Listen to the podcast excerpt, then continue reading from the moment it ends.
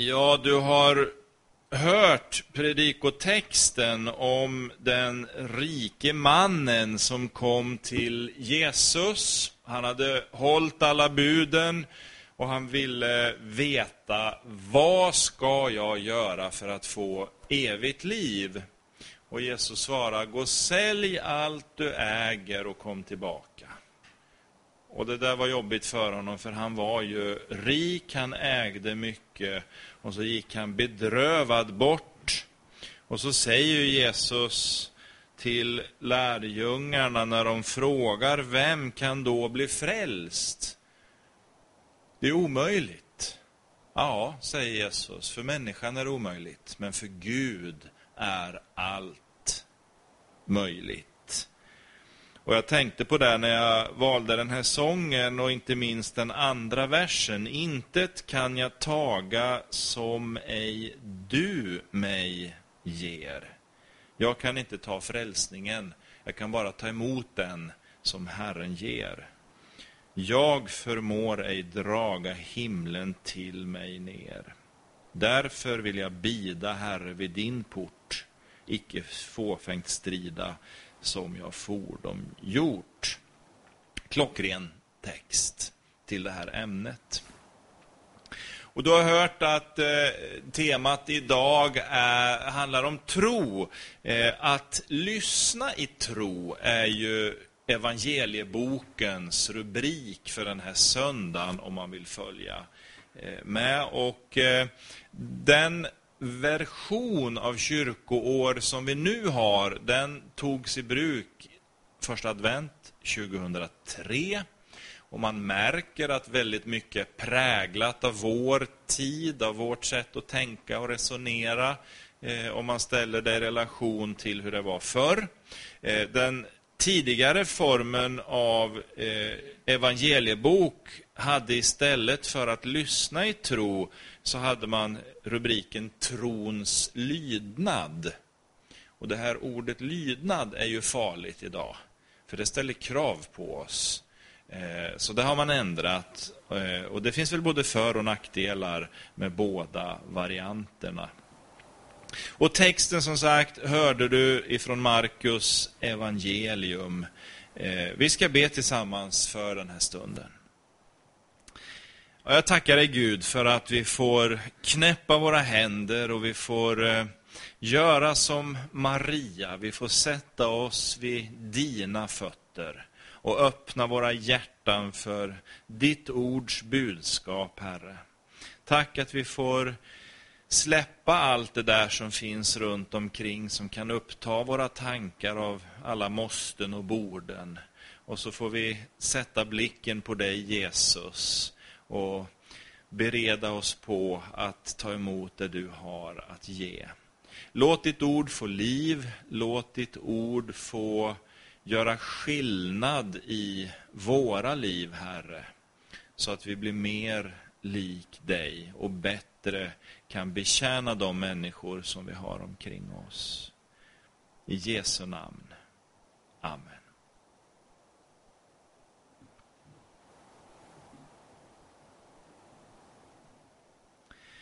Det finns all anledning att stanna upp inför den här texten. Roland knöt ju an också lite till hur det ser ut i vår värld, hur det fungerar runt omkring oss.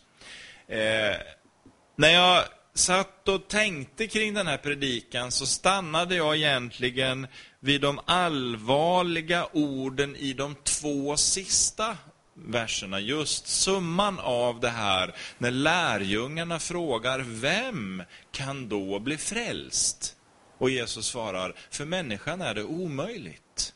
Vi kan inte ta frälsningen för givet i den meningen, utan vi måste förstå att det är bara Gud som har den möjligheten att rädda oss människor och att ge oss en plats i det himmelska.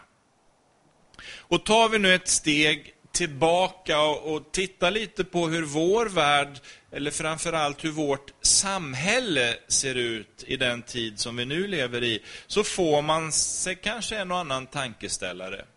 Det är inte så ofta vi, vi har möjlighet att göra det kanske. Eh, det är svårt att reflektera över det där som man befinner sig mitt i. Man blir så lätt väldigt präglad och formad av det man står i. Det är lätt att tycka och tänka om sånt som är där utanför, någon annanstans. Eller någon gång längre tillbaka i tiden. Men just här och nu, där vi står i, 2016, Söråker, Sverige. Vad är det som kännetecknar vår tid egentligen? Jag kan givetvis inte ha anspråk på att vara korrekt i min bedömning, även om jag vill tro att jag har rätt i alla fall. Eh, men jag tror att jag inte är fel ute när jag säger att vår tids stora prägel handlar om det här att jag ska göra det här själv. Lite det lilla barnets kan själv. Och det är lite så vi fostras in också i vår tid. Skolans mål verkar vara att fostra eh, självständiga elever som är kritiskt tänkande. Liksom. Man ska hela tiden själv skaffa sig sin egen uppfattning. Det får inte finnas något utifrån som korrigerar och vägleder, utan det är jag som ska styra och bestämma. Och därför blir också vår tids eh, högsta trosbekännelse nästan eh, detta att var och en blir salig på sin tro. Ta bara det här normkritiska som vi har omkring oss. Vad är det normkritiken egentligen handlar om? Jo, som jag ser det så är det ju ytterst en fråga om att var och en skapar sig sin egen bild av vad som är rätt för mig.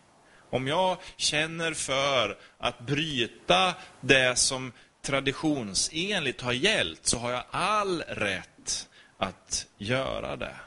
Så det är ingenting utifrån som får påverka mig, utan jag ska påverka allt utifrån, eller som är ut omkring mig. då. Det här är komplext och, och, mer svårt än så givetvis. Eh, och vi har en åsiktskorridor som säger också att man ska tycka och tänka på ett visst sätt inom vissa områden. Eh, ta bara den här rättegången just nu nere i Nyköping där en barnmorska har eh, stämt landstinget för att inte eh, hennes samvete ger henne rätt eh, att att eh, ta barns liv då i aborter. Eh, hon vill eh, föda liv, vara med och hjälpa till att föda liv och inte släcka liv. Och därför vill hon ju då slippa de här delarna i arbetet som handlar om abort. Men då tycker etablissemanget och samhället att nej, men det, så får inte du tycka. Du måste ju göra på det här sättet. Eh, och så kommer vi att se när det så småningom förmodligen blir aktuellt med aktiv dödshjälp bland äldre, att då kommer man att tillåta samvetsfrihet.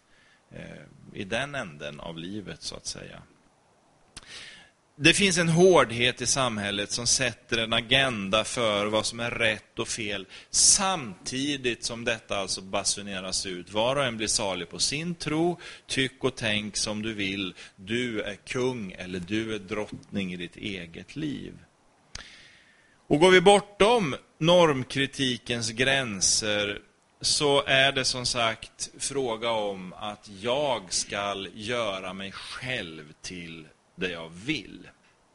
Och i den föreställningen står vi plötsligt likt Jesus inför den här mannen som kommer till honom och faller på knä och frågar, vad ska jag göra för att få evigt liv? Han hade på olika sätt försökt att uppnå det där och förverkliga det eviga livet. Han levde efter alla budord som var framställda. Han var nitisk, han var hängiven, han var överlåten och han hade kommit långt i sitt religiösa utövande. Och där någonstans stannar vi till första gången därför att vi behöver notera en oerhört viktig sak i det som händer just i det här ögonblicket. För det står, och nu måste vi läsa bokstavligt, det står att mannen kom fram till Jesus och föll på knä inför honom. Och då tänker jag i alla fall att det är klart, man faller ju inte på knä hur som helst. Utan i det här fallet, när jag läser det här, så känner jag att den här mannen hade respekt för Jesus. Han förstod vem Jesus är. Så att vi kan inte vifta bort honom som någon slags vilseledd eh, människa i den meningen. Han hade en genuin längtan, han hade en ärlig längtan efter att få bli ett Guds barn. Men uppenbarligen, någonstans i honom fanns det en känsla av att det saknas någonting. Jag har inte nått ända fram. Jag behöver bli förlöst. Och så går han till Jesus, faller på knä inför honom i vetskapen om att han, om någon, vet vad det är som saknas i mitt liv. Och så frågar han som han gör. Och jag måste säga, även om jag har facit i hand, eh, jag känner en viss respekt inför den här mannen. Eh, bara att ställa sig själv inför spegeln. Han säger, jag har hållit alla bud sedan jag var ung. Och hur många av oss, ja du har säkert gjort det, men jag har inte kunnat hålla alla bud sedan jag var ung. Så att det fanns ju verkligen en stark obändlig vilja hos den här mannen att få vara ett Guds barn.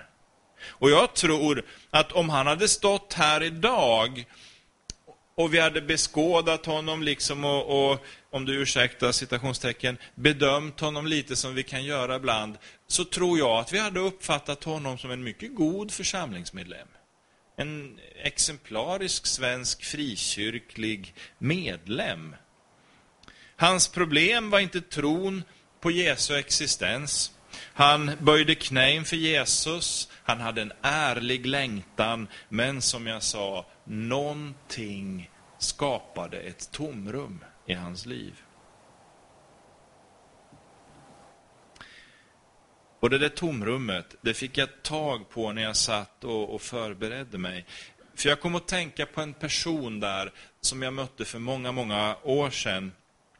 Vi hade träffats i lite olika sammanhang eh, där jag fanns och, och verkade då. Eh, och I den här människans liv så fanns det en väl förankrad vetskap om vem Jesus är. En dag, jag tror faktiskt till och med, hör och häpna, att jag stod och lagade mat.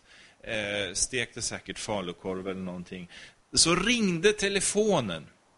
Och i andra änden så blev jag lite överraskad när jag hör den här personens röst. Vi hade inte haft riktigt den typen av kontakt och, och relation. Men nu ringde den här personen till mig. Eh, syndanöden hade drabbat vederbörande. Eh, personen höll på att gå under i sitt kval och sa Daniel, du måste komma, jag orkar inte längre.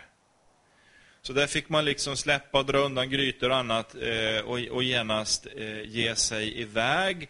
Eh, och så möttes vi och började samtala och jag berättade om Guds plan för vår frälsning och så eh, lite andra saker utifrån situationen.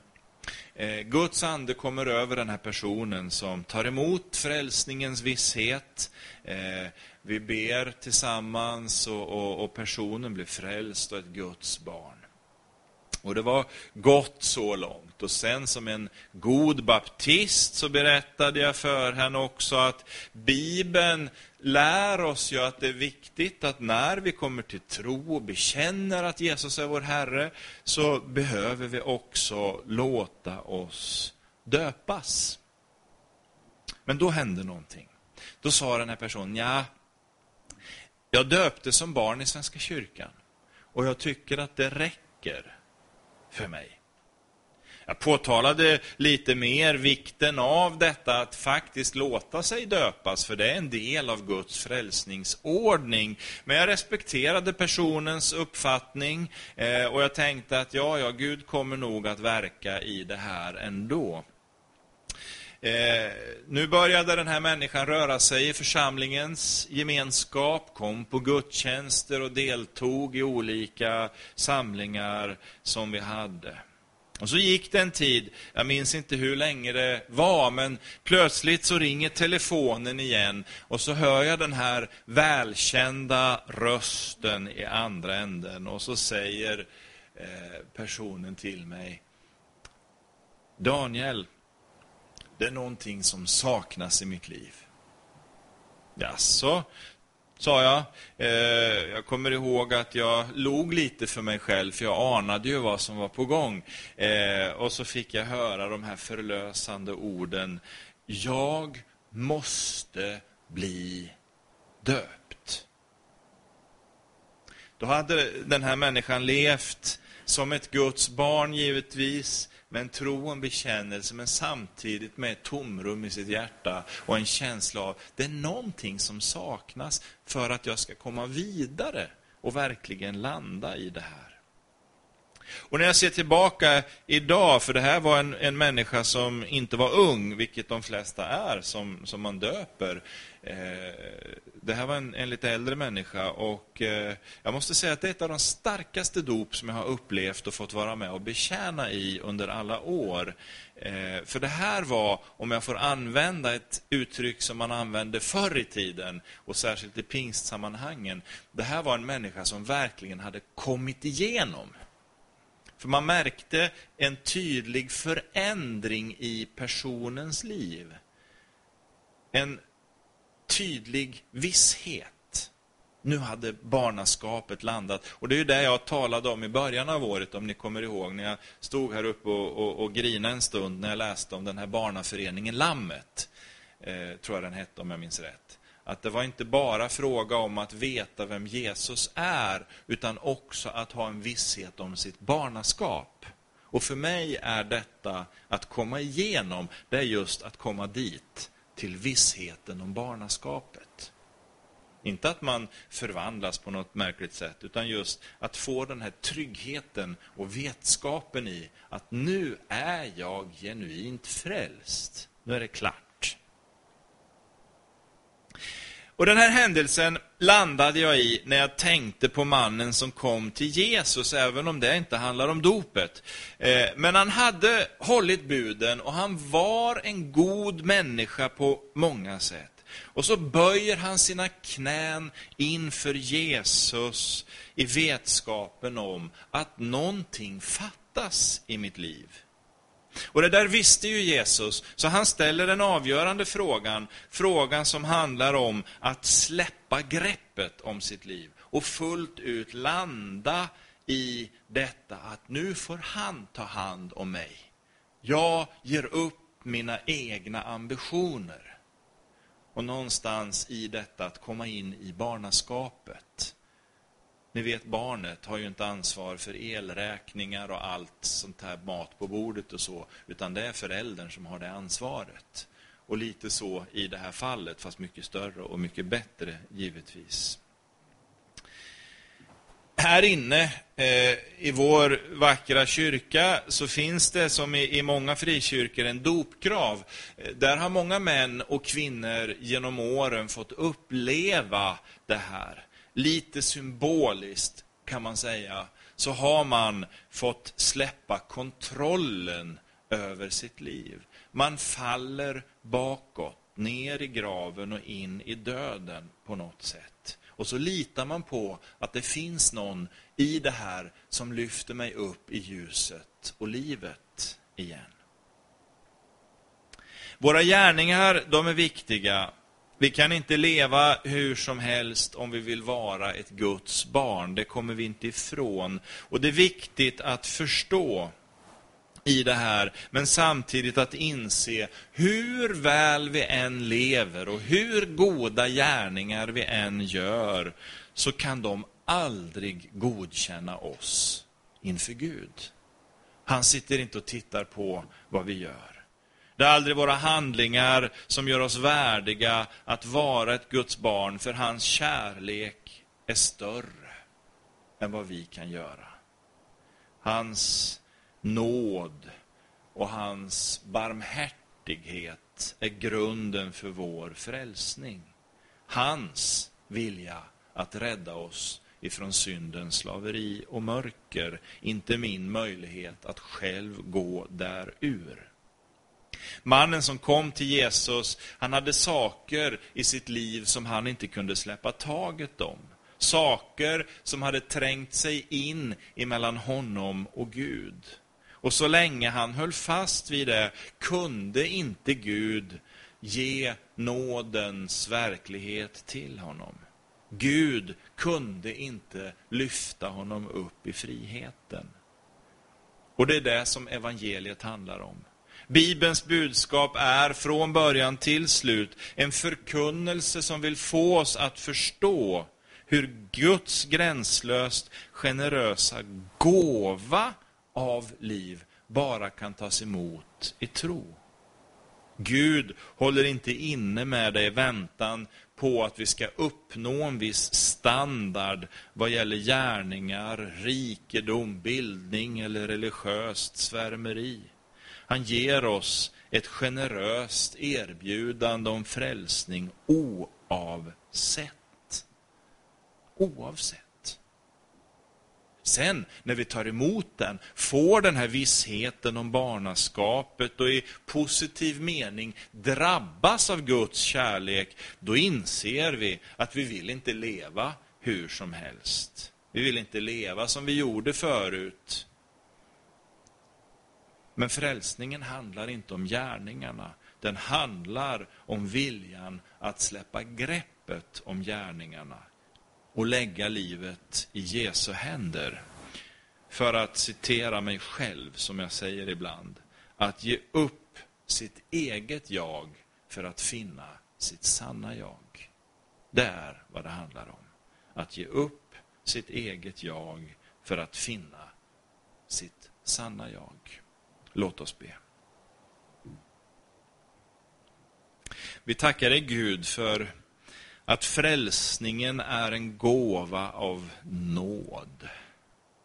Tack att vi inte behöver göra oss till. Tack att vi inte behöver uppnå en viss standard för att du ska älska oss. Du älskar oss oavsett, vare sig vi är lyckosamma eller misslyckade, om vi kan tycka det, eller om vi är det ena eller det andra. Ja, du bryr dig inte om det för att älska oss, utan du älskar oss, hur våra liv än ser ut. Och det tackar vi dig för, Herre. Hjälp oss att ta emot den kärleken så att du kan få förvandla oss och låta oss växa och bli de som du har kallat oss att vara. Ett verk av dig, Herre, inte av oss. Din äran och makten från evighet till evighet. Amen.